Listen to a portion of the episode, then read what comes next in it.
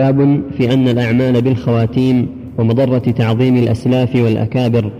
قول الله تعالى إنك لا تهدي من أحببت. الآية وفي الصحيح عن ابن المسيب عن أبيه قال لما حضرت أبا طالب الوفاة جاءه رسول الله صلى الله عليه وسلم وعنده عبد الله بن أبي أمية وأبو جهل فقال له يا عم قل لا إله إلا الله كلمة أحاج لك بها عند الله. فقال له أترغب عن ملة عبد المطلب؟ فأعاد عليه النبي صلى الله عليه وسلم فأعاد فكان آخر ما قال هو على ملة عبد المطلب وأبى أن يقول لا إله إلا الله. فقال النبي صلى الله عليه وسلم لأستغفرن لك ما, ما لم أنه عنك. فأنزل الله عز وجل ما كان للنبي والذين آمنوا أن يستغفروا للمشركين الآية وأنزل الله في أبي طالب إنك لا تهدي من أحببت ولكن الله يهدي من يشاء. هذا الباب في قوله جل وعلا في بيان تفسير قوله سبحانه إنك لا تهدي من أحببت ولكن الله يهدي من يشاء وهو أعلم بالمهتدين. في الصحيح في صحيح البخاري عن سعيد المسيب عن أبيه أن أبا طالب سعيد المسيب يعني بن حزن المخزومي الإمام المشهور تابعي جليل وأبو الصحابي المسيب. لما حضرت أبا طالب الوفاة أبو طالب عم النبي صلى الله عليه وسلم. كان قد حناه ونصره. أيما دعوته في مكة عليه الصلاة والسلام. فكان له عناية بنصره وحمايته من أذى قومه. فلما حضرته الوفاة حرص النبي صلى الله عليه وسلم على أن يهديه الله. لأنه عمه ولما مضى من جهوده العظيمة في نصر نبينا محمد صلى الله عليه وسلم وحمايته. وقد حصل معه الشعب ثلاث سنين. فقال يا عم لما رأى فيه أمارات الموت يا عم قل لا إله إلا الله كلمة أحاج لك عند الله. فقال لا قال له جليس السوء. أبو جهل وعبد الله بن أبي أمية عبد الله بن أبي أسلم بعد ذلك.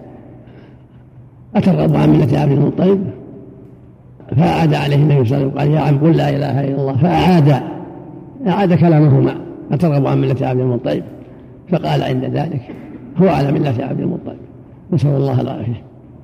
قال أنا على ملة عبد المطلب عبر الله هو. تنزها من أن يقول أنا. وأبى أن يقول لا إله إلا الله. بما سبق في علم الله من سوء خاتمته. وأنه يموت على الشرك بالله نعوذ بالله. فقال النبي صلى الله عليه وسلم أستغفرن لك. ما لم ينهى عنك. حريص على أن الله ينفعه. فأنزل الله. ما كان النبي والذين آمنوا يستغفروا المشركين ولو كانوا أولي قربى. من بعد ما تبين لهم أن أصحاب الجحيم. هذا يبين لنا أن من مات على الكفر هو من أصحاب الجحيم.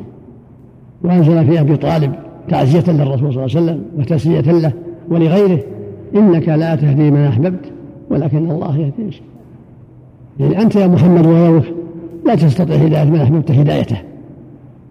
ولكن الله الذي يهدي من يشاء سبحانه وتعالى. كما في الآية الأخرى ليس عليك هداهم ولكن الله يهدي من يشاء. لا يملك هداية أبيه ولا عمه ولا أخيه ولا ولده ولا زوجته. آه بيد الله جل وعلا.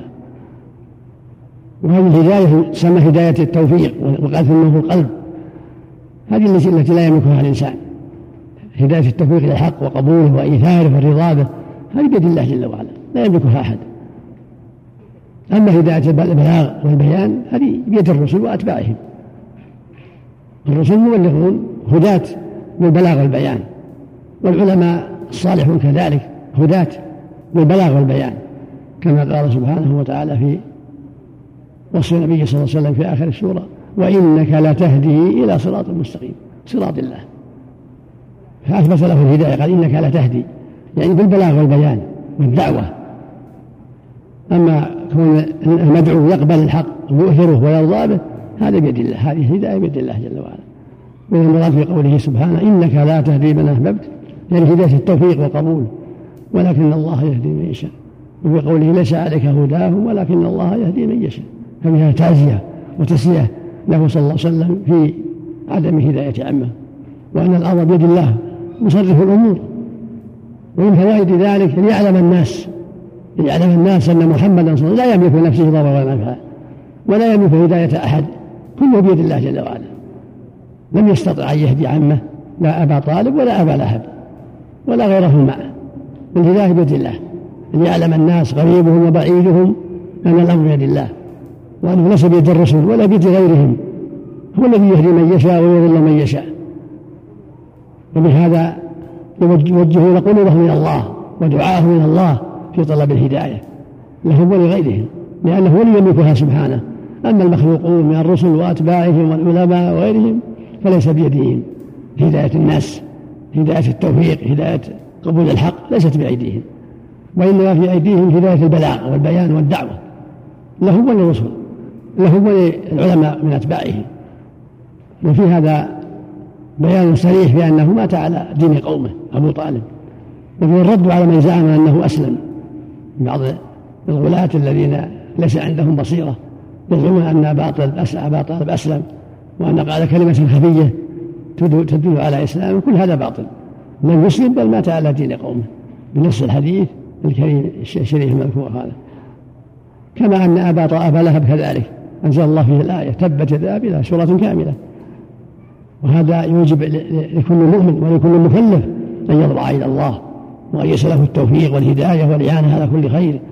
ويعلم يقينا أن الأمر بيد الله هو الذي يهدي من يشاء ويضل من يشاء وأن الواجب الضراعة إليه وسؤاله طلب الهداية يسأله أن يهدي قلبك وأن يعيذك من الفتن ما ظهر من بطن هو الذي يهدي من يشاء. ولكن قراءة القرآن وقراءة السنة من أسباب ذلك. كل شيء يتدبر القرآن ويتدبر السنة وسيرة السلف هذا من أسباب الهداية. وفق الله الجميع.